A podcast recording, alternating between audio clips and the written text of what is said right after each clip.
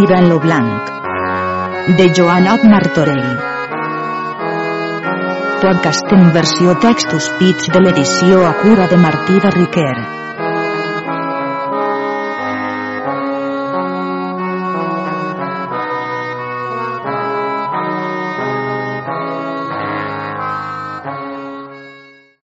Episodi 3.6 Part tercera, tirant a l'imperi grec.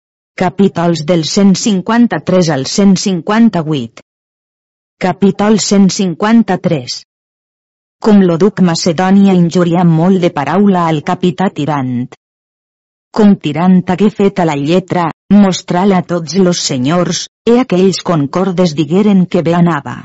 Tirant feu venir lo trompeta e donar-li la lletra una jornea tota d'argenteria dos-cents ducats, e dis-li.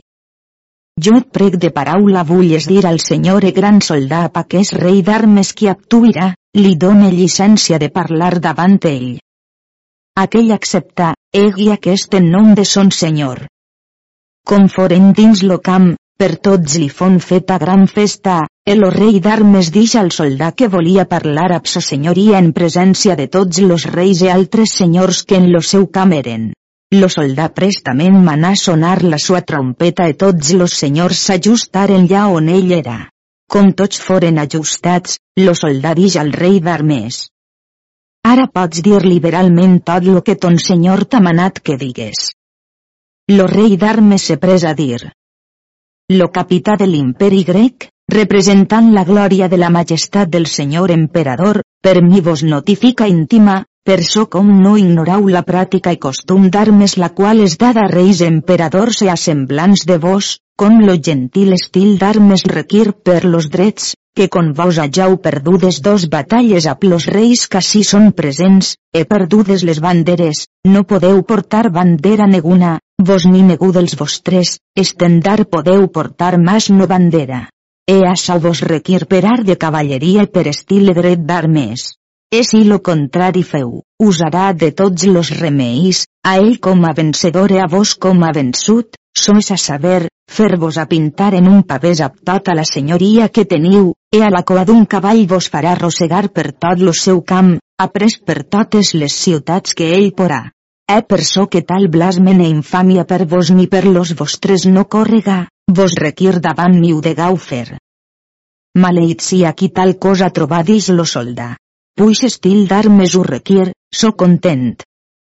E prestament feu plegar les banderes d'ella de tots sos súbdits, e restaren a plos estendards. Après se girà envers lo rei d'Egipte dis-li. Senyor, lo nostre capità ha fet resposta a ta lletra, e diu que et prega li vulles trametre a dir lo dia de la batalla quina sobrevesta portaràs, per so que en la pressa de la gent se puga conèixer puga venir combatres amb tu. Amic dis lo rei, dir-li has de part mia que jo haguera pres gran plaer ell i jo espasa per espasa nos fossin combatuts, però puixa ell no li plau excusar-se dels lleig casos per ell fets e per mi posats, encara per suplir a la sua demanda, si bé aquesta batalla per a ell i a mi serà civil, car jo volguera fos criminal per so que jo isqués amb ma veritat, diràs-li jo portaré una aljuba de carmesí, la qual és estada de la virtuosíssima senyora de qui jo so servidor, e al cap portaré una àguila tota d'or, e sobre l'àguila portaré un penó petit on serà pintada aquella excel·lent senyora ja de sus nomenada. E si por haver part de mi o jo el puga veure, jo li faré atorgar tot lo que en la mia lletra conté o el mataré a les mies mans. Lo rei d'armes se'n tornà son capità, tirant, e feu sa relació diligentment de tot lo que li havien dit. Llavors los turcs ordenaren molt bé lo camp esperant la batalla. Lo dia següent, havent enveja lo duc de Macedònia de la glòria de Tirant, proposà davant tots de dir-li semblants paraules. Puix no viviu en llei de cavaller, Tirant, e no servau llealtat alguna, deuríeu prendre la cisma que és manada als moros, los quals, quan los fall la raó per a provar lo seu mal, ab gran error defenen aquella amb l'espasa en la mà. E vos voleu dar batalla a tan gran nombre de cavallers turcs com en la platja oriental estan, los quals bastarien a defendre's de tot lo món justat, e vos voleu fengir de capità virtuós. E confeu vostre poder de ser tengut en aquella possessió, en fama i en compte d'home valent, car falses e colorades pràctiques no hi basten. Em però interrogau la vostra consciència, qui sap bé la veritat, car per ella poreu ésser certificat del vostre estat miserable en què sou posat. Doncs, que amor de vida e temor de mort vos ensega tant la raó i lo sentiment, que us tol de tot en tot la coneixença del gran defal que feu en voler donar batalla als turcs així com diu que voleu fer, la qual per res no us serà consentida, e voleu posar nostres vides a joc d'una tria las. Demostrau que us costen poc de criar. E vos voleu dar batalla voluntària, la qual a present no és de necessitat, e si la perdem tots són morts e destruïts, e a vos no costarà res lo dan de tots nosaltres. Per a vos lo món és gran, e no us fallirà on pugueu viure, poreu regir una esquadra de sacomanos. Trists de nosaltres qui som naturals de la terra, e aquells qui tenen mullers e fills. E tot nostre fet a posar en mans d'un estranger de solar no conegut. Digau-me que haveu tractat a plo soldà i a plos altres, mostrant desitjós d'ultrans a plo rei d'Egipte, e tot quant haveu fet no és sinó per enganar-nos e vendre'ns als turcs. Digau, quin preu haveu hagut. Sereu vos lo segon Judes, qui venè a Jesucrist per preu de 30 diners. Així ens veneu vos a nosaltres. Digau, sou vos aquell famós home de Caim, qui matà son germà Abel. Seríeu vos aquell virtuós cavaller, fill del rei Siperi, que es jagué a sa mare del castell avall llançar son pare. Seríeu vos, per ventura, canatre, que pres sa germana marcareu, e forcivalment la viola e passassen a la os dels romans e trai per diners a son senyor natural e tot lo seu camp. Oh, tirant! Obriu los ulls, que tots estam esvetlats e coneixerem molt bé qui sou, o que encara coneixerem molt bé les vostres singulars canòniques, com partís de la vostra pròpia pàtria, per quins actes tan deshonests, e no gosau tornar en aquella perquè haveu hagut glòria de lligar-vos amb nostres capitals enemics, los quals per natura i segons llei cristiana los deveu llunyar de nosaltres, e vos haveu fet a lliga i concòrdia a ells. E no sabeu vos, segons haveu dit en la lletra que trametés al rei d'Egipte, qui no ha fe no pot donar fe com la podem dar de vos que semblant malvestat haveu comesa de fer vers nosaltres, los quals tots vos teníem com si ens fosseu germà, e tots estaven a ordinació vostra. Però sabuda la gran maldat per vos comesa, tractada i ginyada amb gran infidelitat contra les nostres persones e de tot l'imperi grec, codigna cosa seria fosseu posat en oli bullent, que tal premi mereix la vostra reprovada persona, car no sé al món cristià, qualsevol que sia, fes semblant maldat de la que vos haveu temptada. Les pedres se deurien llevar contra vos, quan més los homes qui sentiment tenen, com tots cregam en subtilitat en la llei cristiana s'aconsegueix paradís i glòria, en los investigats ab subtil enginy caen en dubte posseixen los inferns així com vos fareu. En opinió de les gens no vull res de açò per dir, com tal regiment de capitania per dret ne per raó vos no el devíeu haver sens consentiment meu e de tots los altres qui en mon servei eren, e per so no vull que d'ací avant tal regiment vos tingau. Per les paraules que el duc dix, se cuidà seguir un gran escàndel, car tota la gent s'armà, estaven a ple armes en les mans, en molts qui pujaren a cavall com si haguessin entrar en batalla, per so com a moltes gens era plasent, perquè és vici natural dels homes s'alegren de novella senyoria.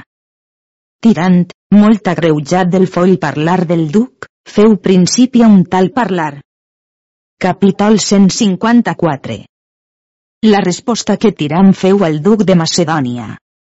Si creu que per ésser antics vostres mals actes, si en fora de la memòria de les gens, e que sens fer esmena de vostre mal viure que si hau habilitat, mal creu, ja per tot reus d'haver oir alguna part de vostres gloriosos actes, he de representar a mi la llegea d'aquells. Prou clarament se mostra jo haver-vos comportat les coses que cascun jorn vos deixau dir de mi.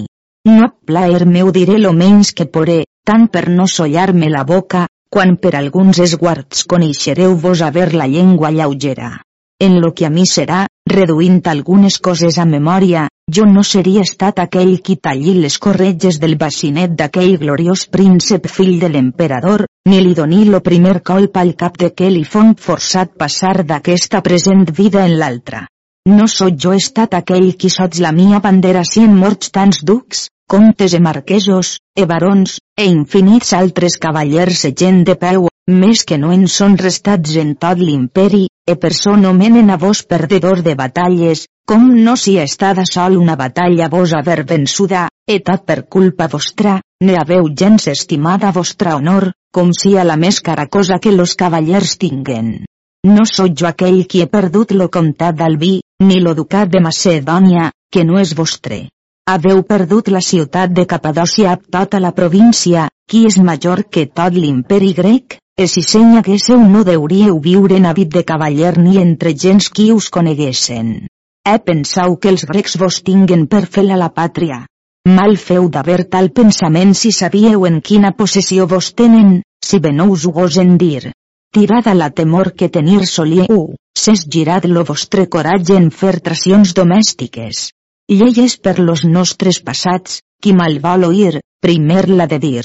E si lo pecat fos mercè, e no fes de servir al senyor emperador e a la senyora emperadriu, e a la virtuosa princesa, altrament jo banyara les mies mans en la més pura sang que en lo vostre coses, mas jo tinc confiança en Déu, que les dones que per causa vostra són fetes males, e los homens morts, qui davant Déu criden justícia, me'n venjaran de vos dient que jo volia vendre la nostra os per preu de moneda. Això és una gran maldat que veu forjada segons vos faríeu. E no us vull més dir si no deixar-vos en vostra falsa opinió. A conor-me d'una cosa, sois, jo parle a veritat e seré cregut, e vos entrau a la falsia e maldat que de si és obesida. Lo secretari, oint totes aquestes raons, les més per escrit, per a l'endemà que volia partir, però sent dins la tenda on deien la missa, lo capità dix a tots en general. Senyors molt il·lustres, egregis e magnífics, ja per això no restarà la promesa per mi feta no vinga en sa valor. Preca tots per lo poder a mi donat per la majestat del senyor emperador, tots a la jornada siau prests per donar la batalla. Respòs lo duc de Macedònia. Tirant, pus segur vos seria vos posasseu a dormir, que no pensar en les follies que feu car de tot ser jo no iré ni negu dels meus, e pens que tots los altres faran així com jo faré, e no serà negu vos obeixca en res, car lo vostre regiment no fa per a nosaltres. Car no és d'admirar que no us vullen obeir per lo vostre gust que absi amargor porta, e per tolreus tot error, tan embolicat vos hi veig. Diré altra vegada, si haguésseu especificat com lo regiment vos fon donat, fossin estats demanats jo a plos altres, vostra demanda haguera lloc per lo present amb tota igualtat. No us heu volgut contentar d'això en gran càrrec que culpa vostra. Però lo procés fet entre vos i mi és mitjà que descobren tot la culpa vostra, mas en aquell, com a ignorant que com havent aconsellat per vos, remetau la mostra de nostra diferència als entesos cavallers de tal mester, e si no ho feu, ab quanta vergonya a vostra haveu verificat les mies profertes, e les profecies que d'ací sortiran. Perquè vergonya o ira és ser a prou venja contentació del meu esperit. Respost tirant. No és dat a mi lo pledejar en temps de batalles, e les mies mans són treballades en altres coses de més necessitat a l'honor que no és escriure per a pledejar. A mi estaria mal que, havent bé aconsellat altri, no consellàs bé a mi mateix. E no és ja més vist home de nostra casa hagi donat lloc de posar-se honor en disputa, e jo l'ajuda de Déu vull conservar tant com en mi sia del meu regiment fins ara a mi atorgat, no penseu gran alegria haja jo aguda, car al començament no ho cerqui ni ho procuri fos donat a mi, e si so estat posat en alguns guanys, no n'he demanats, mas al meu esperit i al continues ànsies e treballs, e perquè los ducs e prínceps si en estat sots la mia governació sans e segurs, e pensen lo meu regiment no he fallit en alguna cosa per engan o negligència de què puga haver reprensió però en l'elecció per la majestat del senyor emperador a mi feta, lo vostre consentiment no fon demanat, no us ne deveu admirar, com llavors no fosseu absalta majestat. per tal que ningú no pens que de tal regiment jo sia molt covejós, plau-me altres i alet en l'elecció del qual tos temps seré aparellat. E dieu que la nostra sens vostre consell no pot donar batalla. Forçat és.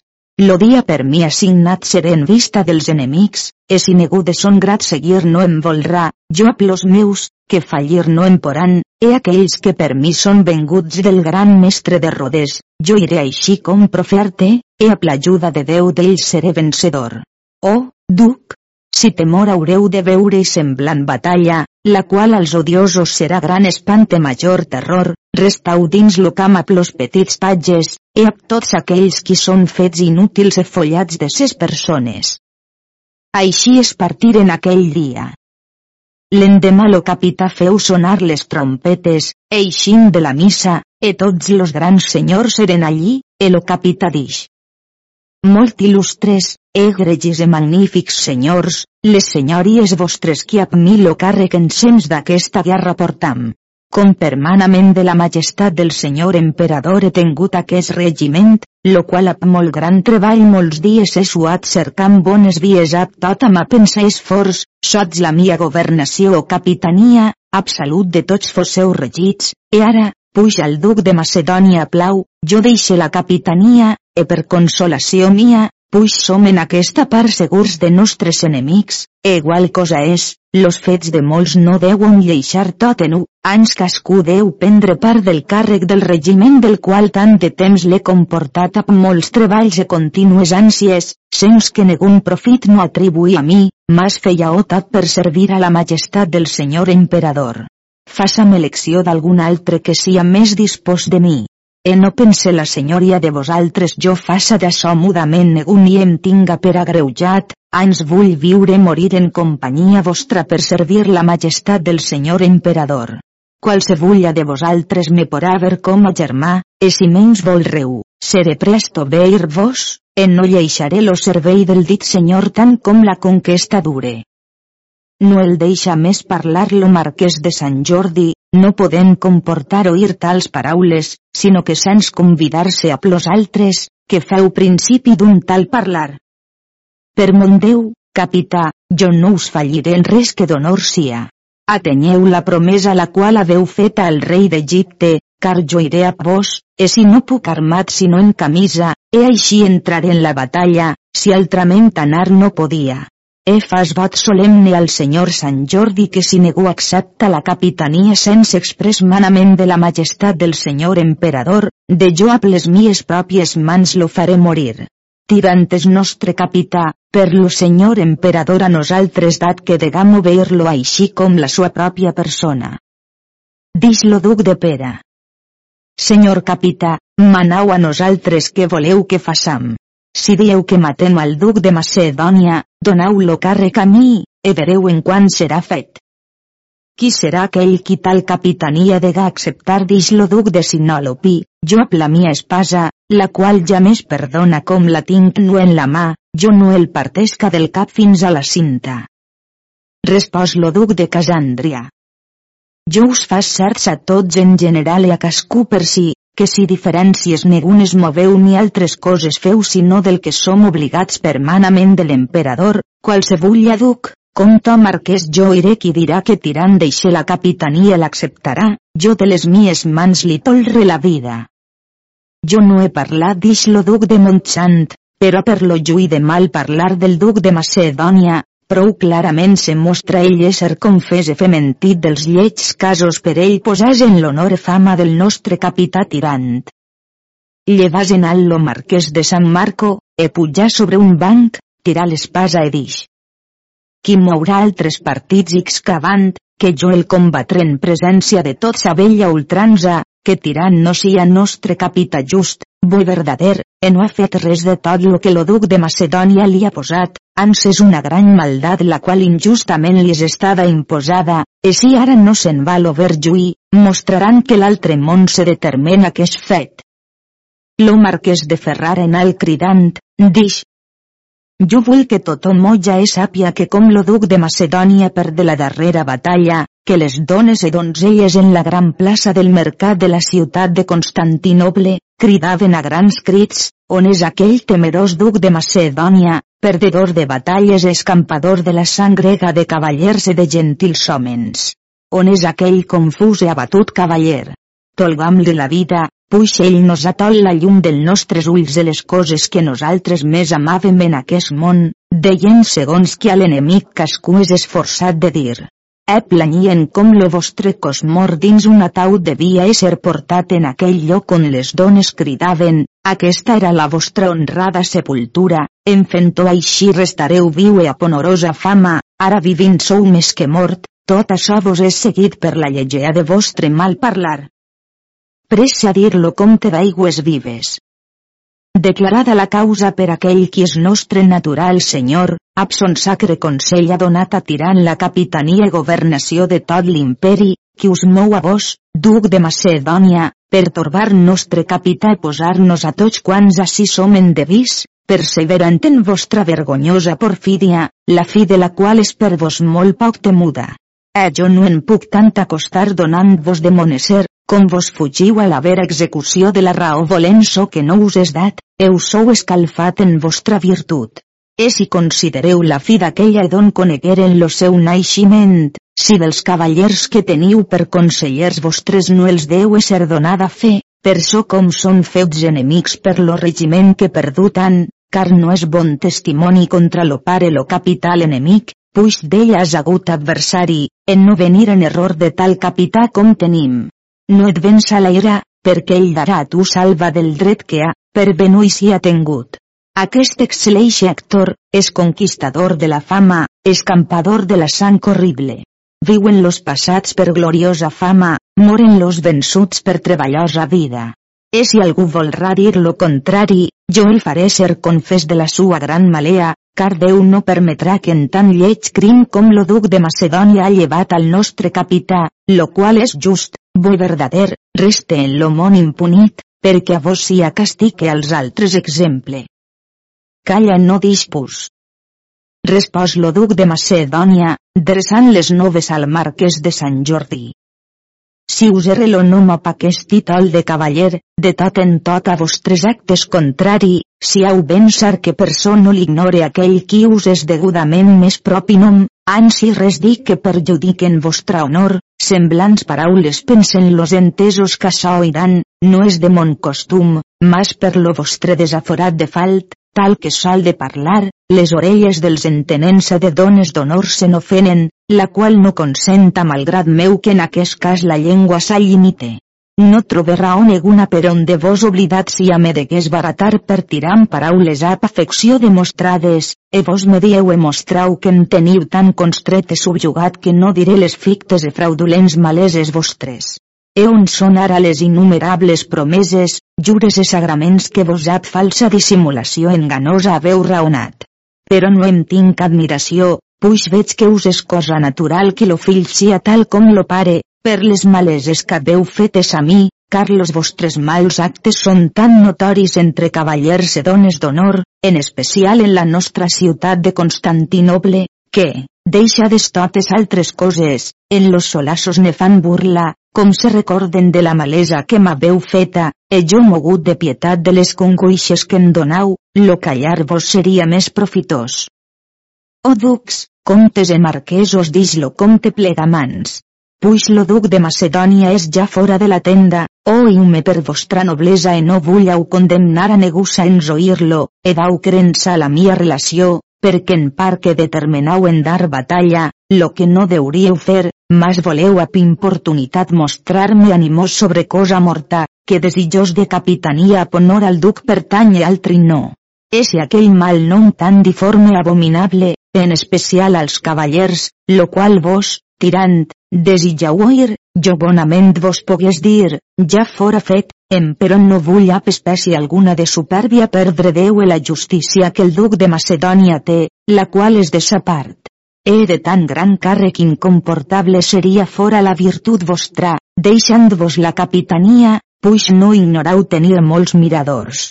Pensau en los fets qui són aquells qui us han acusar o excusar, e la glòria no està en parenceria de paraules, mas en execució de fer. Puix veren que lo duc se n'era anat, Tirant no volgué consentir que ningú més parlàs ni fesen menció de les raons que havia dites lo comte, sinó que cascú se'n tornà son alleujament, deixant lo llibre de recitar d'ells, sinó que es posaren tots en ordre per al dia assignat de la batalla. E torna a recitar de l'emperador, qui estava a inestimable desig de saber noves del camp, e veia venir set naus a la vela com foren aplegades saber com venien de Sicília portaven quatre mil homes d'armes i molts cavalls, los quals trametia lo rei de Sicília novell. E fon me causa lo que ara recitaré. Lo rei de Sicília, segons ja de suses estat dit, tenia lo fill major en França, casat amb una filla del rei de França, e per ell ser molt discret i virtuós, lo sogre no el lleixava partir de la sua cor per la grandíssima mort que li portava seguisc en malaltí, e d'aquella morí. Com lo rei de Sicília, son pare, saber la sua mort, ne feu molt gran dol. L'altre fill, que s'era fet frare, no volgué lleixar la religió per ésser rei après la mort del pare. Lo rei d'açò pres gran alteració com lo fill no el volia obeir que donà del cap al llite, tenint-se per mort, ordenà de la sua ànima i del regne, en son testament lleixareu a la filla, muller de Felip. Com Felip se veu rei, fon en record del bé honor que Tirant li havia fet, deliberar de passar a tot el major poder que pogués en ajuda de Tirant, e la reina sa muller, e per tots los del regne fon suplicat que no hi anàs aquell any per quan la reina era prenyada.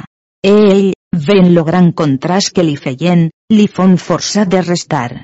E tramès i en lloc seu, per capità, lo duc de Messina amb cinc mil homes entre de peu i de cavall.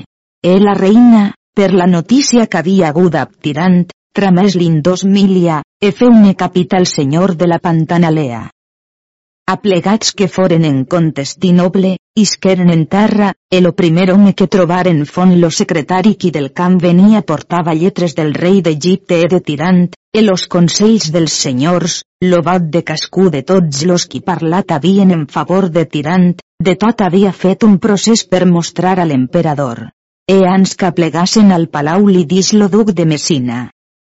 Cavaller, si Déu vos presten lo món us deixe complir lo que vostre cor desitja, digau-me on és aquell famós cavaller, ple de tanta virtut, tirant lo blanc, capità dels grecs. En qual ciutat és la sua habitació? Lo meu senyor dix lo secretari, la senyoria vostra trobarà aquell famós cavaller que demanau en los camps, que no té lloc, vila ne ciutat per habitació. E ara l'he lleixat, que té les sues tendes parades davant los turcs prop lo riu nomenat Transimeno.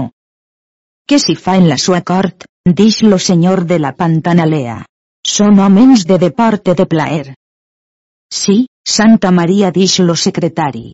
Primerament trobareu, a la porta de la sua tenda, Clemència que a tots contenta, pujant un escaló coneix quals són bons o mals, e sap de quals deuen fer bon mercat, e sap jutjar amb seny i discreció. E aquesta és la cosa que més val a tot on que té capitania real, e sobre tots deuria regnar. E ella més se corromp per precs, per menaces ni per diners. Encara té altra bondat, que dona tot quanta, e ho reparteix tot entre la gent, en no procura per a si res que puga haver.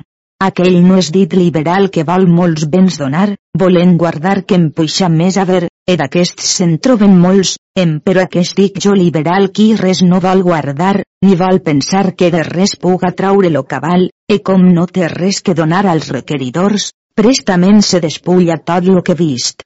Com l'amica més té res, de sa persona liberalment lo hi dona, que puga manar e fer d'ella a totes ses voluntats en mal i en veu pot ben fer e ordenar, e si d'altra cosa no els pot servir, la voluntat no hi fall. E d'açò que us dic, per tot lo món se'n parla, e si parlau de noblea, d'ardimente de gentilea, en lo món no té par. Entre nosaltres prou clarament és manifest, e per experiència se mostren les grans victòries que agudes e a cascun dia contra los turcs. És molt alegre amb sos amics donant los delits, amb ministres dansen e ballen entre dones, és molt afable a totes gens de cor molt fort, que no té temor de res. En les sues tendes, los uns lluiten, los altres salten, e juguen los uns a taules, los altres a escacs, los uns se fan fois, los altres a senats, los uns parlen de guerra, los altres d'amors, los uns són en llaut, los altres arpa, una mitja viola, altres flautes de cantar a tres veus per art de música.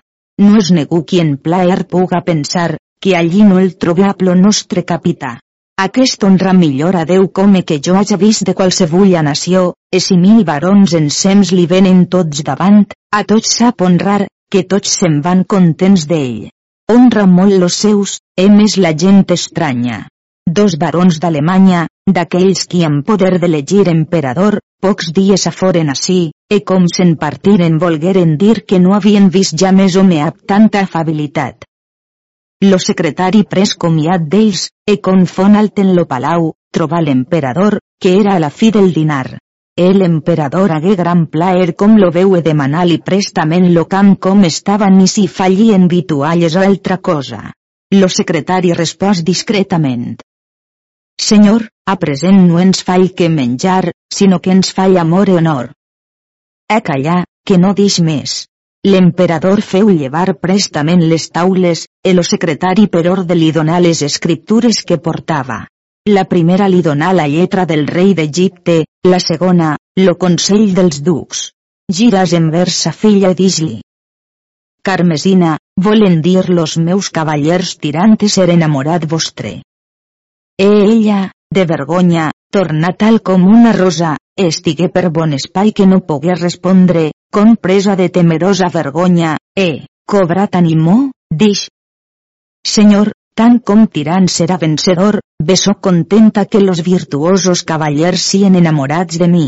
E com aquell sia cavaller de tanta virtut e animó, vencedor de batalles, qui aterra les forces dels reis turcs, e no ten los subtils engans del duc de Macedònia, no consenta la majestat vostra les lleugeres enganoses paraules d'aquells qui mal volen dir.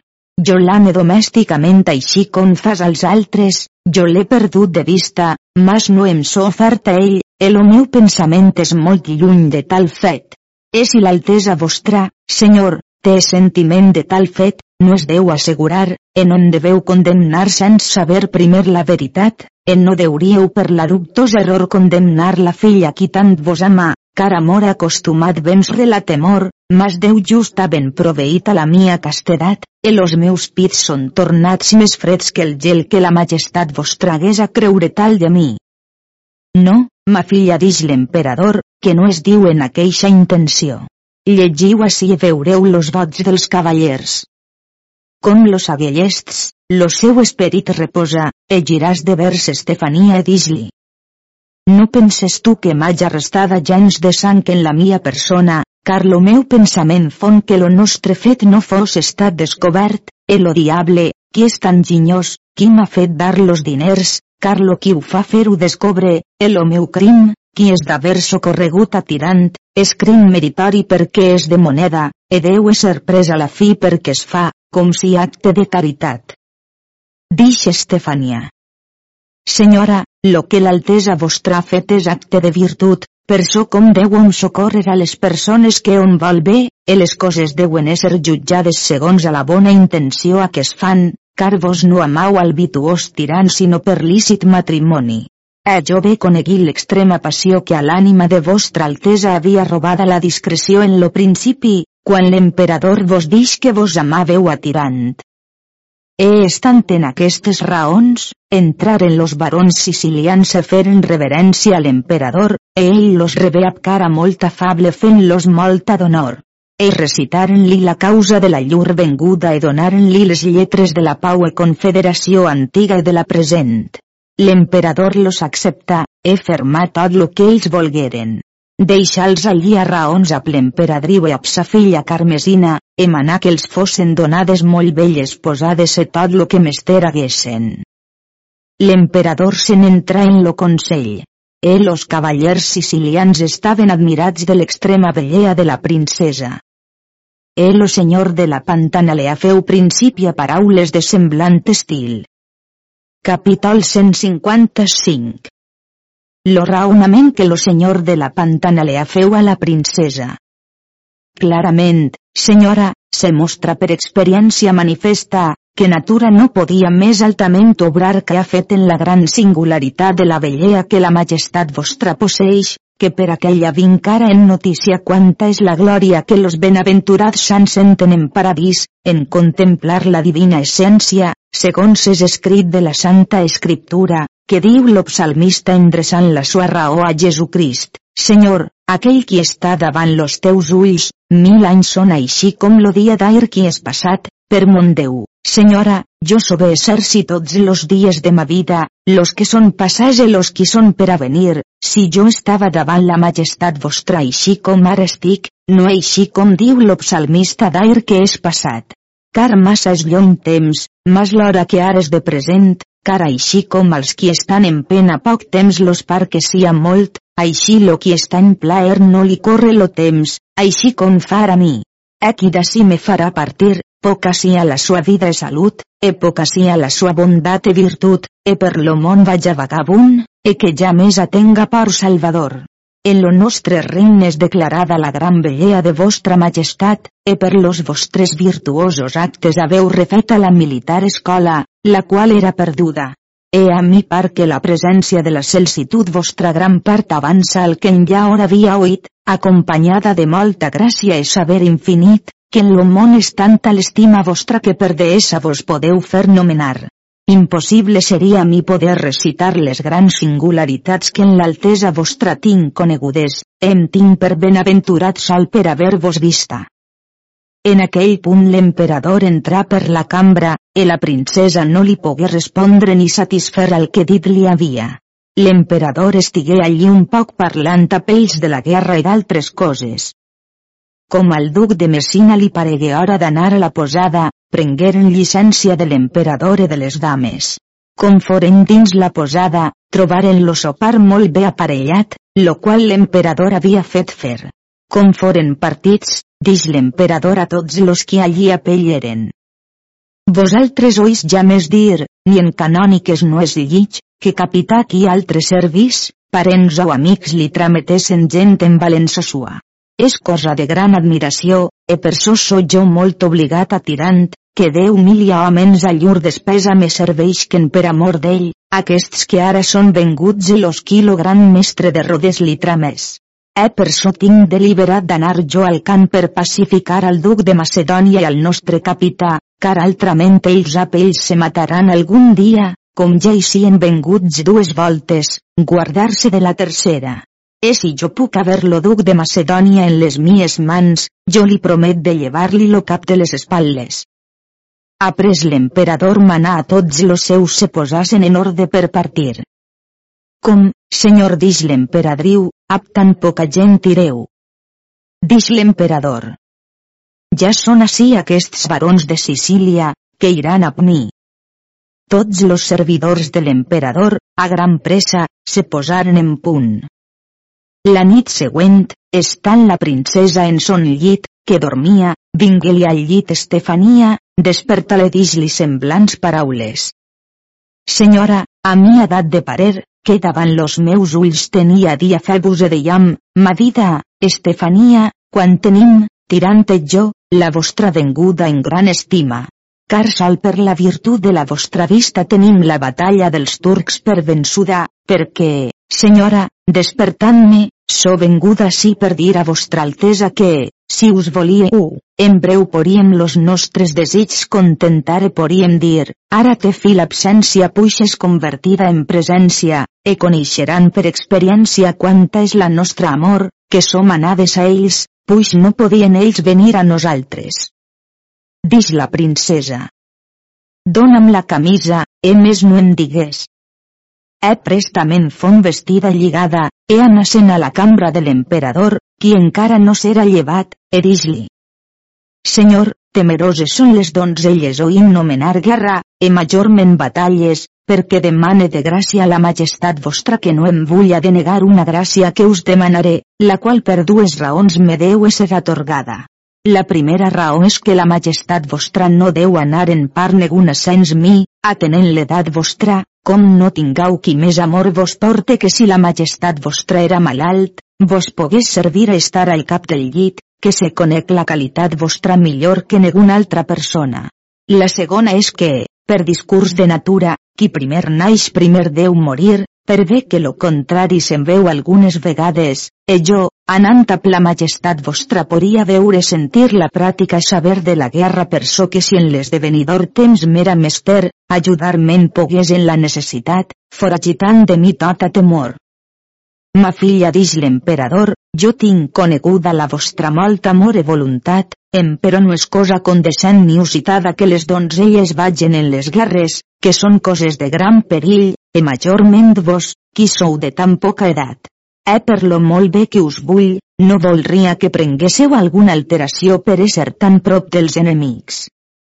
Senyor dix la princesa, la majestat vostra no tema res de mi, car major alteració seria la mia jo perdre de vista l'altesa vostra que estar enmig dels enemics, car així com so estada filla e sirventa vostra en lo temps de l'adversitat, feu-me gràcia que us en la prosperitat, car ja més desempararé la majestat vostra tant com l'esperit tindreu en lo cos, he après vos faré fer tal sepultura com és mereixedora la vostra imperial dignitat. He tinc fantasia que si no anava a la majestat vostra, que los meus ulls ja més vos veurien. Ma filla dix l'emperador, puix tant ho voleu, jo sóc content, car bé conec que bons el vos ho fa fer. Emperò digau a vostra mare que li plaurà més, anar o restar. Eh posau-vos prestament en punt que la mia partida serà molt presta. La princesa de continent ho anà a dir a l'emperadriu, e feu-li tal resposta que per res no iria, car si ella veia al duc de Macedònia a lo lloc on morí son fill, ella de dolor finaria los seus darrers dies. La princesa tramés per tots los argenters de la ciutat qui fossin hàbils en lo que ella volia. E feu-se fer uns gossets, la meitat d'or, l'altra d'argent, e per semblant, los avambraços e manyopes de fulla molt prima, e a la part dreta venia l'or e a la part esquerra l'argent, e més, se feu per al cap una celada molt poca, tota d'argent, e sobre la celada una corona molt rica que ella acostumava de portar. E suplicar a son pare que li lleixàs la gent que la reina de Sicília trametia a Tirant. Lo dia que partiren la princesa se vestí una gonella d'orfebreria e feu-se armar de l'arnès que s'havia fet fer, e cavalcar sobre un gran cavall tot blanc, e a una verga en la mà anava capitanejant la sua gent. E portava en sa companyia seixanta donzelles, les més belles i galanes de tota la cort. E feu lo gran conestable de la sua gent a Estefania, e Saladria, filla del duc de Pera, tenia l'ofici de Menaxaut, Comtesina usava del guatxer major, pler de ma vida portava l'estendard de la divisa pintat de l'herba que es nomena Morval, a plomot que deia, mas no a mi. Eliseu portava la gran bandera, la viuda reposada era huixera major de la cambra, e les altres cascuna tenia son ofici. E així anaren fins que foren a les tendes on tirant estava lleujat e no hi trobaren home d'armes que s'afós, sinó gent inútil e los pages qui eren allí restats permanament del capità. Tirant partilo de novent dia del mes, hora de mitjanit, el emperador aplega l'hora de nona. Los turcs nit i dia estaven contínuament mirant lo camp dels cristians, que el podien molt bé veure. E tirant passar de nit lo pont, e ja un dia ans que passàs, havia tramès per prendre los pastors les espies, perquè no fos descobert pregueren-ne molts. Com hagué passat lo pont, pres riu un bon a mitja llegua, puja a man dreta, e pujar damunt lo camp dels turcs dues llegües, e atendàs alba de matí enmig d'una vall qui es nomenava Espinosa. E cascú portava cibada i vianda per a ells a un dia. Com l'emperador fon atendat en les tendes del camp, tramés per lo senyor de Malveí, que vingués a parlar a pell. E prestament, com ho sabé, anar a fer reverència a l'emperador, es recitar-li tot l'ésser de tirant los virtuosos actes que cascun dia feia, e la princesa prenia molt singular plaer en oir llaors de tirant. Lo senyor de Malveí suplicà a l'emperador que fos de sa mercè que se n'anàs a posar al seu castell, que allí estaria molt segur. E així ho feu. E tots los barons sicilians s'atendaren prop lo riu. Lo senyor de Malveí preso dels seus, e tan secretament com pogué, lo tramés a la vall espinosa per avisar al capità com l'emperador era vengut a sa filla a plos barons de Sicília. tirant ho tingué molt secret fins a l'endemà perquè algú no se n'anàs per excusa d'anar a veure a l'emperador o a parents. No ho volgué dir sinó a dia Febus, en gran secret. Com fon hora de mitjanit poc més o menys, tothom pujà a cavall. Los de peu feu posar primer, ap Febus per capità, ap 400 llances, e los cavalls tots encobertats. Tirant pregadia Febus ap aquella més amor que pogué, que restàs detrás un esqueix de roca que allí havia, prop d'una llegua del camp dels enemics, e per quantes coses eren en lo món no isqués ell ni los seus, encara que vesen que fos perduda la batalla ni ves que matassen a ell, no li anàs a ajudar a ell ni los seus, e encara, no content de sol i pres jurament que no es mouria fins que lo hi trametés a dir. Diafebus restà com dit tirant a tota l'altra gent, sens que no hi havia ningú de peu ni patge, sinó Hipòlit, que aquell dia s'era fet home d'armes li donà l'honor de cavalleria, a plegar en atret de bombarda del camp, no al fossat o palenc que fet havien, mas quaix al través, en lloc qui era pla, sens palenc ni altra cosa. Com los del camp los sentiren, les guardes llançaren grans crits, e tota la nit havien estat a cavall ben de set mil homes perquè no fossin desbaratats així com la primera vegada. E tirant no gosà ferir en lo camp per la gran multitud de gent que hi havia. E tots los moros se meteren en punt, e los qui es trobaren a cavall vengueren en vista als cristians. Cascuna part ordenà ses batalles. Tirant ordenà-la-so en aquesta manera, tots los cavalls feu posar en tira, e no passava més lo cap de l'u que de l'altre. E tots estaven en gran orde, sinó lo duc de Macedònia, que no volgué gens obeir los precs del capità. Les banderes de l'emperador estaven enmig. El duc de Sinòpoli tenia la un cap de l'ala, el duc de Pera tenia l'altre. El capità anava a desala un cap, a de ser a l'altre, pregant a tota la gent tot homo estigués en orde, car si ho feien, ell los daria aquell dia vencedors, a l'ajuda de nostre Senyor Déu. E en aquell espai que los enemics ordenaren les batalles, tirant feu a la sua gent una tal oració. Capítol 156 L'oració que tirant feu a tots los cavallers. A mi no contenta honor que a perill no es guanye, e del nostre bon dret surt una verdadera esperança. Oh, cavallers dignes d'honor! Vengut és lo dia per mi tan desitjat, en lo qual haureu honorosa victòria de tots vostres enemics, on porà cascú recobrar son heretatge qui perdut l'haurà, e cascú deu desitjar la glòria qui de semblants actes s'ateny, e los perills qui ab temor s'esperen, no deuen ésser tenguts en compte de res encara per millor manifestar a les vostres magnificències lo que en l'enteniment m'ocorre, la ignorància de darí quan mal feu que per de la sua persona e tota la gent sua, per tenir mal orde en la batalla, e los altres per pecat d'enveja tots foren perduts. Deixem estar això, que ara nos cové que ap esforçat ànimo de cavallers valerosos façam armes e anem a obrir lo camí de la nostra salut. E suplica a aquells qui dec suplicar als altres com a germans, que siau valentíssims, e a ànimo esforçat vulleu combatre, e siau en record d'aquell qui és vencedor de batalles, e aconseguireu honor e glòria, e encara llibertat. E si vencem, magnífics senyors, tot l'imperi serà nostre, ciutats, viles e castells seran sots la senyoria nostra de tots nosaltres. E si la desaforada fortuna consent nosaltres fugir, totes aquestes coses vendran al contrari siau en record de ma llibertat atesa poder vèncer los enemics de la fe. Ells no tenen molta cura del nostre combatre per la potència que tenen, nosaltres combatem per la pàtria i llibertat, i encara per les vides. Record-vos de la primera virtut, e de la segona per nosaltres obtesa. No temau, virtuosos cavallers, la multitud dels enemics, car cosa certa és los pocs vents reals molts, que com més són, més tenen a fer en poder-los ordenar, car lo qui vens les batalles és lo bon orde tenir-se a regiment del capità. Doncs, record-vos, mos senyors, los qui d'honor sentiu, ap aquests mateixos dos voltes no som combatuts, no penseu que ara sien més valents com tinguen poc record de la trista mort dels seus, e de tan gran escampament de sant com la virtut de vosaltres ha fet en les persones d'ells, pensau ap quanta dolor e misèria deuen estar. Eh per totes les coses de sus dites, a nosaltres covedar batalla si ja nos convertia en pau. Com serem requeridors e vencedors de la batalla, haurem la riquea, e les armes d'ells totes seran nostres. Eh com dareu la batalla, feu que si ap gran ardiment, car ells són posats en gran perill, e no a tan fort mur com és la virtut de vosaltres, e no dubte gens de la victòria.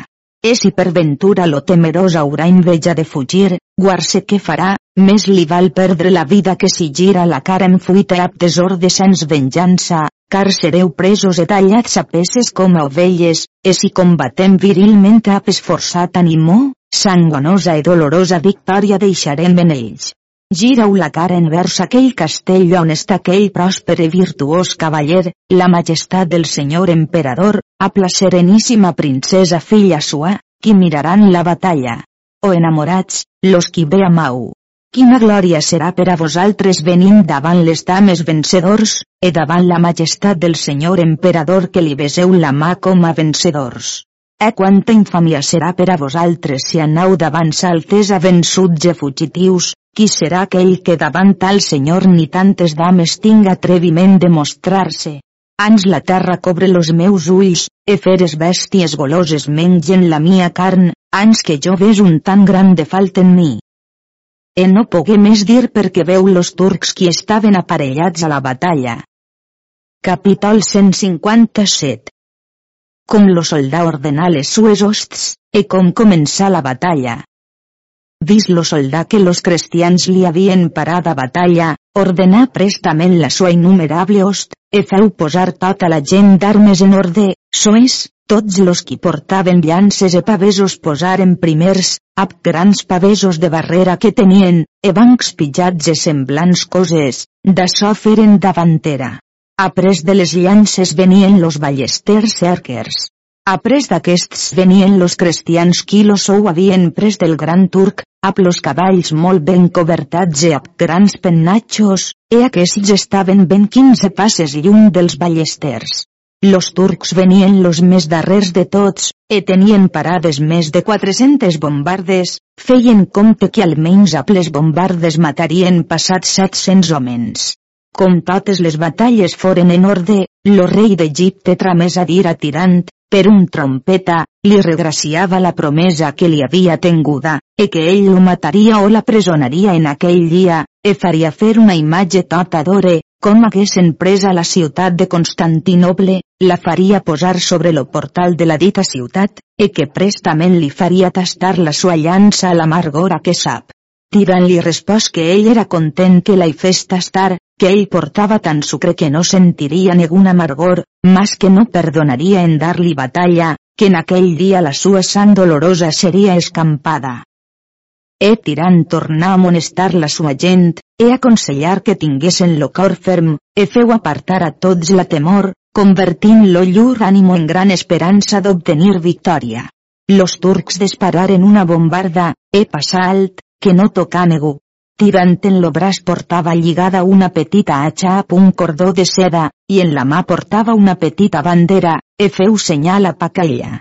El o duc de Pera, qui tenia lo cap de l'ala, volta tota la gent fins al mig, on estaven les banderes, voltant a manera de cercle redó les espatlles envers los enemics, tos temps a por de a pas a pas.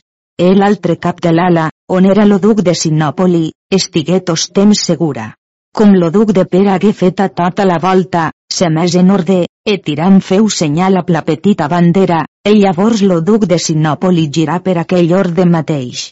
Llavors tingueren la cara girada de vers la muntanya allà on era dia Febus, e les espatlles envers los enemics.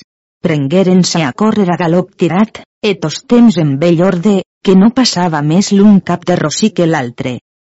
Los turcs, com los veren així anar, prengueren-se a cridar grans crits. Ja fugen, ja fugen. Los de peu llançaren los pavesos, los altres les llances, los altres les ballestes, per córrer detrás los enemics cristians. Los de cavall, qui més podia córrer, aquells se pensava més guanyar, e aquells qui portaven los cavalls encobertats, llançaven les cobertes perquè anassen pus lleugers. E tirant a desades se girava, e veia venir tota la gent, uns après d'altres, e tots desbaratats, e per so ell no curava de res, sinó anant corrent i en orde. E aquells qui tenien bons cavalls, fins a dar-los de les llances per los costats, aplegaven. Com l'emperador, qui en les torres estava, qui veia venir la gent fugint, ves pensava que la batalla fos perduda. E tota aquella nit les donzelles no seren despullades, fent grans pregàries amb gran devoció, suplicant al vencedor de batalles i a la sua sacratíssima mare que donàs victòria als cristians. Com tirant veu tota la gent de peu que restava molt atrás havien passat lo lloc on dia Febus estava, llavors tirant alçar la bandera que portava, e tothom s'aturà, e cascuna esquadra s'aparta per si, llunyant-se l'una de l'altra un tir de pedra. Los turcs, com veren que los altres seren aturats, tengueren-se molt per decebuts. Tirant ordenar que lo duc de Pera ferís primer, e amb molt gran ardiment se posà enmig dels enemics combatent molt virtuosament. Com lo capità veu que los enemics aplegaven i reforçaven de gent, feu ferir l'esquadra de son germà lo marquès de Sant Jordi, après ferir lo duc de Sinòpoli, a des una esquadra, a des altra. E feien la major mortaldat de gent, que era cosa de gran admiració. Com tirant veu que quasi la meitat de la sua gent havia ferit, e tos temps anaven guanyant, e veu tirant, en la pressa de la gent, lo rei de Capadòcia venint matant i destruint molts cristians, e coneguel en la cimera, que portava un lleó tot d'or amb una petita bandera, pres una llança grossa deixàs anar de vers ell. E lo rei, com lo veu així venir envers ell, no li falsà gens la cara, ans l'esperà molt de bon grat. E tan gran font l'encontre que los dos se donaren, que ells i los cavalls n'anaren per terra. Cascú se llevà molt valentment. Tiraren les espases afrontaren-se donant-se grans colps. Mas la pressa de la gent era tanta, que no es podien bé combatre, que los uns ajudaven als altres. Però los turcs feren gran esforç e pujaren lo rei a cavall a despit dels cristians. Pirimus se posà davant lo rei perquè Tiram pogués pujar a cavall, e tant lo tenien a prop fent os temps armes fins que ferí l'esquadra del comte Plegamans, e passaren en aquella part on era lo capità i ajudaren-li que pujar a cavall en les anques del senyor d'Agramunt, e aquell lo tragué de la pressa de la gent.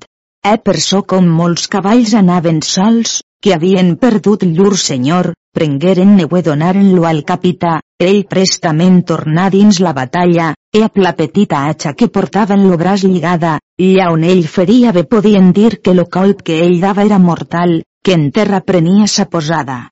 E ell feia la batalla a poder d'altri a perill de sa persona, e si vencés era victoriosa la pàtria i adquiria per a si molta honor i glòria. Lo capità manà ferir totes les esquadres, les unes a la part dreta, les altres a la sinestra, e totes vengueren a ferir al través. Vereu llavors anar bacinets per terra i cavallers morts enafrats, d'una part i d'altra. Això era una gran admiració de veure. Tirant torna a ferir, ha de ser en un lloc, ha de ser en altre. E no combatia en un lloc sol, mas en molts, e socorria allà on mester ho havia.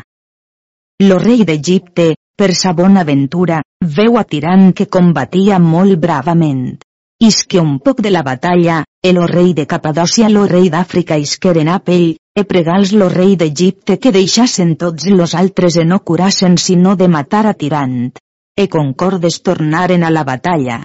E estan tirant combatent, vengué lo duc de Macedònia a les espatlles de tirant, de part detrás, e tirar-li a l'espasa una estocada e donar-li davall lo bacinet e tota la punta li més en lo coll.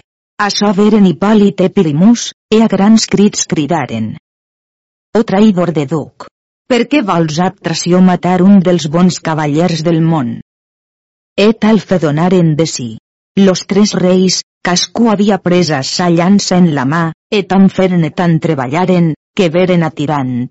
E tots tres dreçaren envers ell, però no el pogueren encontrar sinó lo rei d'Egipte lo rei de Capadòcia.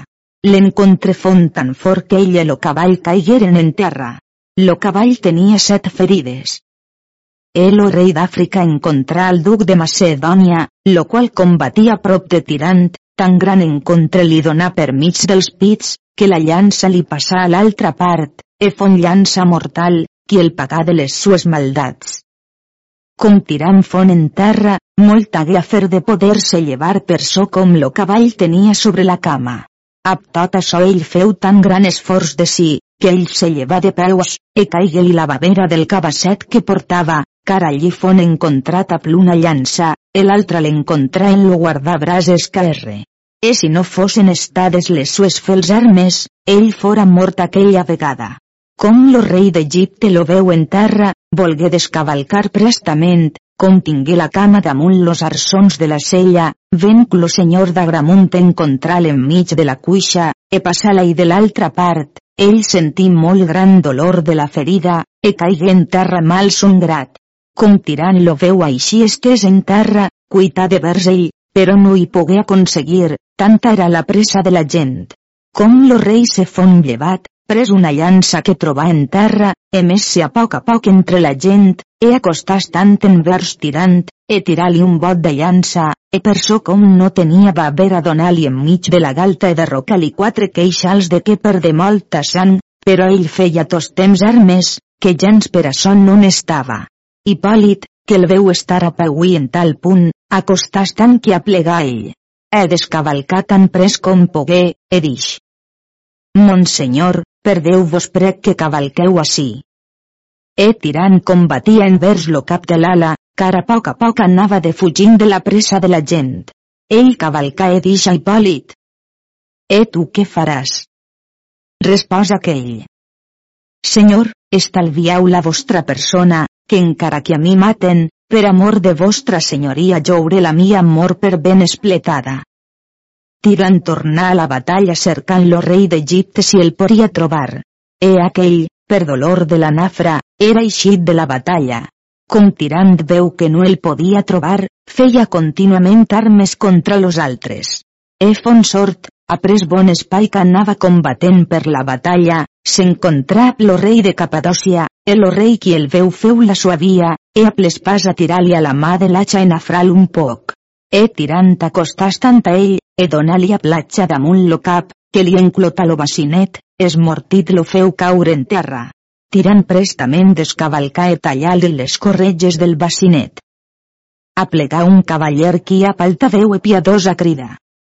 Senyor, per mercè no vull au matar lo rei, car ell és mortalment nafrat, e puix és mortal e vençut, per la vostra benignitat dau-li un poc d'espai de vida, car prou teniu que siau vencedor. Distirant.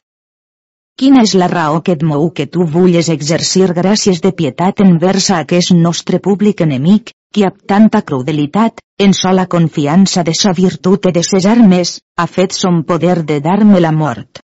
Doncs, justa cosa és que sia punit segons ell volia fer de nosaltres. No és ara temps sinó de crueldat, car la nostra victòria està en sola potència de la virtut de nosaltres, en en los mèrits de la virtut de la mia potència. Emperò ell li desfeu lo bacinet, e tallar-li lo caplatxa de tirant entre les altres era ben coneguda, la qual estava tota vermella rajant sang dels homes que mort havia. E la terra era coberta de cossos morts e tota vermella de la molta sang que s'hi era escampada tiran tornar a cavall, e com los turcs veren morlo tan valentíssim rei, vengueren gran multitud sobre ell i feren molt gran esforç per poder-lo matar. E fon malament nafrat, e derrocat del cavall, e prestament se lleva tirant, no gens esmallat de la caiguda ni temerós de les nafres, han sapeu se més en la pressa de la gent fent moltes armes, e per ajuda dels seus tornar a pujar a cavall. Aquesta font molt forta aspra batalla, e tant com la batalla font major, ai tant font més clara la glòria sua.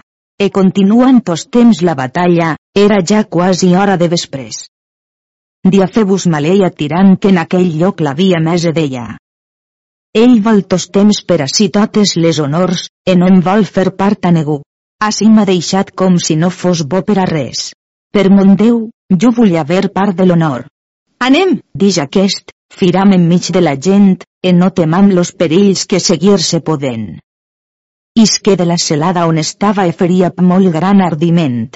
Com los turcs veren eixir tanta gent, los quals se pensaven que no n'hi havia més, esmallaren-se molt.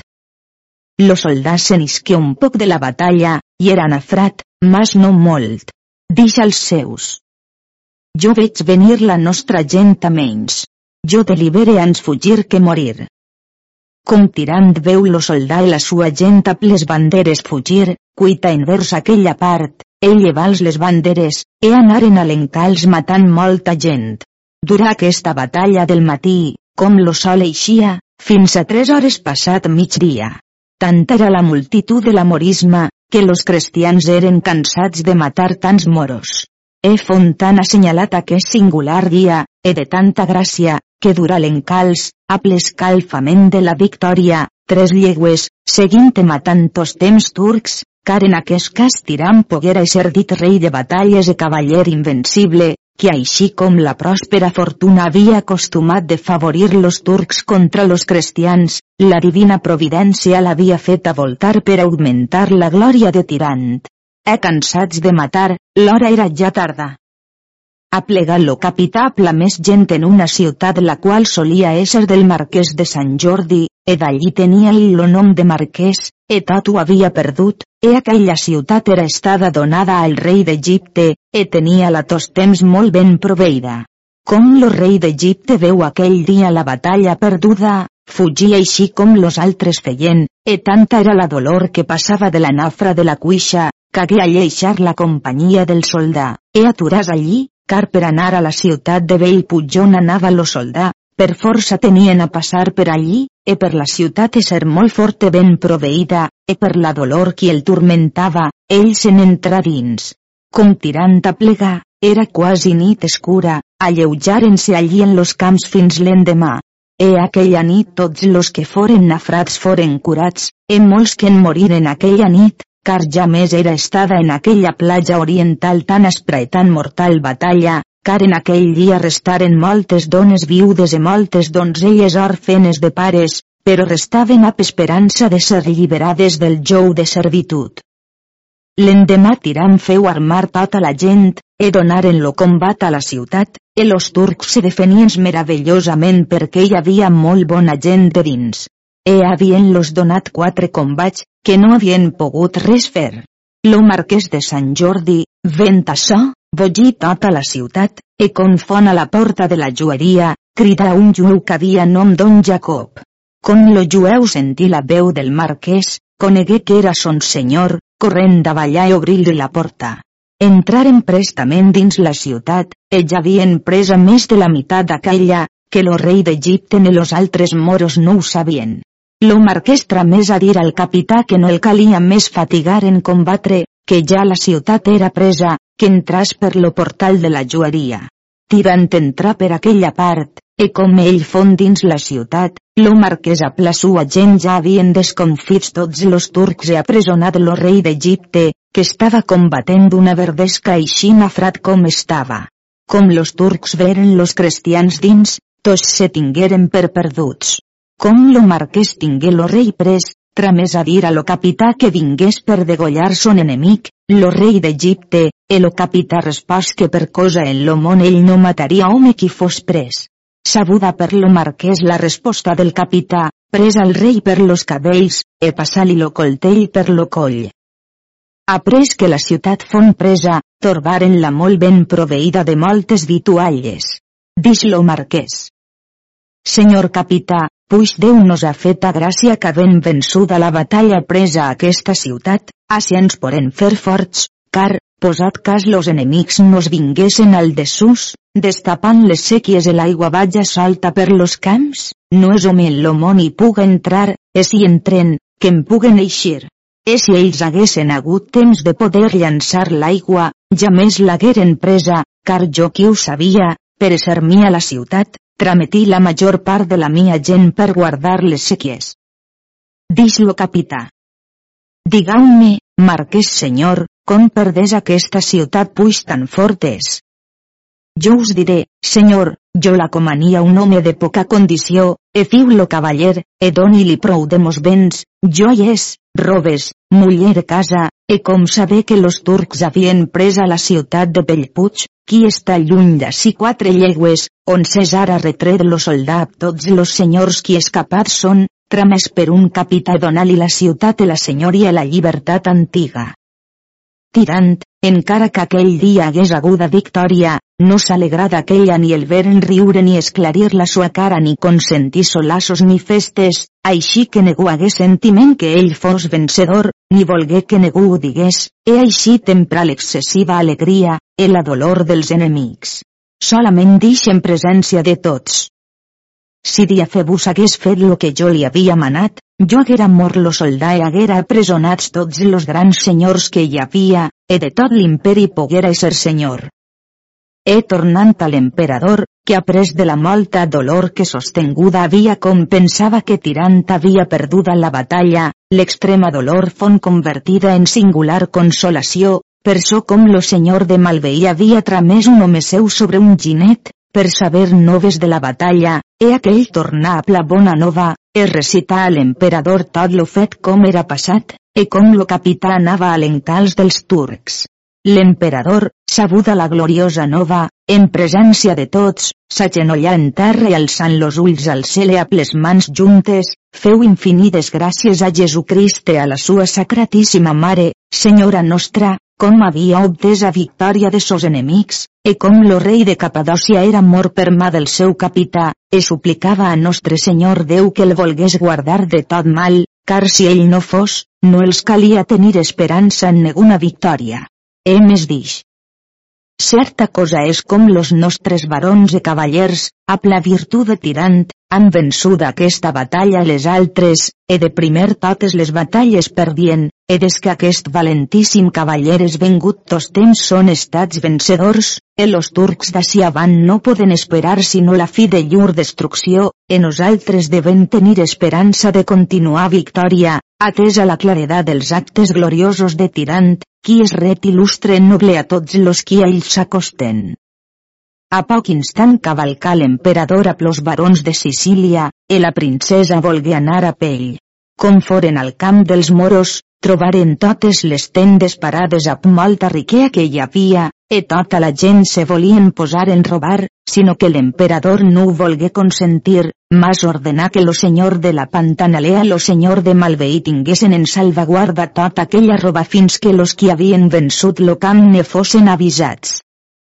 Com l'emperador era en lo camp dels moros, la princesa, d'un gran tros lluny, veu un petit negre, e cuita envers aquella part, e prestament descavalcant, entra dins la tenda on lo petit negre s'era amagat e pres-lo per los cabells, e portal davant l'emperador, e dix. Jo em poré gloriejar davant lo nostre capità com jo so estada valent cavalleressa, que dins lo camp dels enemics, a ànimo esforçat, he sabut apresonar un turc l'emperador i pres lo major plaer de tot lo món, a la gràcia que sa filla ho deia. Diafebus, ven que Tirant estava enutjat envers ell, no li gosava venir davant per temor de vergonya, e a aquell pensament, oblidàs de trametre a l'emperador per dar-li plaer així com havia fet les altres vegades. Com l'emperador sabé la glòria de la vençuda batalla, per altres no per Diafebus, dixa la princesa. Lo senyal que jo he de dir a Febus me dubte que no sia mort com ell no m'ha avisat de la batalla, e de tal com aquesta és estada. Com Estefania oí dir semblants paraules, los seus ulls no es pogueren retenir de llançar vives llàgrimes en presència de l'emperador e de tots quants allí eren. La princesa la feu llevar d'allí perquè no manifestàs les sues dolors. Com foren tornats al castell de Malveí, pres un home tramès-lo per saber que era de Diafebus, e tramès-li, una lletra del tenor següent. Capítol 158 Lletra tramesa per Estefania Diafebus Si amor hagués alguna cosa de certanitat, jo, vençuda, te prec, per amor, de tu sàpia nova certa, car l'ofensa de ta Estefania és que après de la batalla no m'has saludat, a la gran esperança que jo havia en tu. Cert és, amor és cosa que compleix la persona d'ansiosa temor, e millor esperança tenia en tu que no tinc ara, e a tu els nobles fets solien te plaure. Encara que jo no parle, si tu est viu, les mies llàgrimes te mouran a pietat, les quals veuràs en la lletra, però les llàgrimes, o taques per aquelles, deuen haver semblança de paraula, e les mies paraules caen sens profit. però jo no so digna que tu sies a causa de la mia mort, car certament jo tenia en voluntat de contendre llongament contra amor, e no sotsmetre'm a la culpa, sinó per les paraules que oirir al vell poderós que tu eres mort, no pogui retenir los meus ulls davant sa majestat no correguessin doloroses llàgrimes. El avergonyà deixats los seus senyals en la mia cara, e per so vull suplicar a tu, que ets mon senyor, que vingues prestament, e si al res de tu, força'm que muira ab tu ensems, e serà escrit en lo meu sepulcre, causa odiosa, e per aquest dictat semblança serà vist jo ésser morta per amor de tu.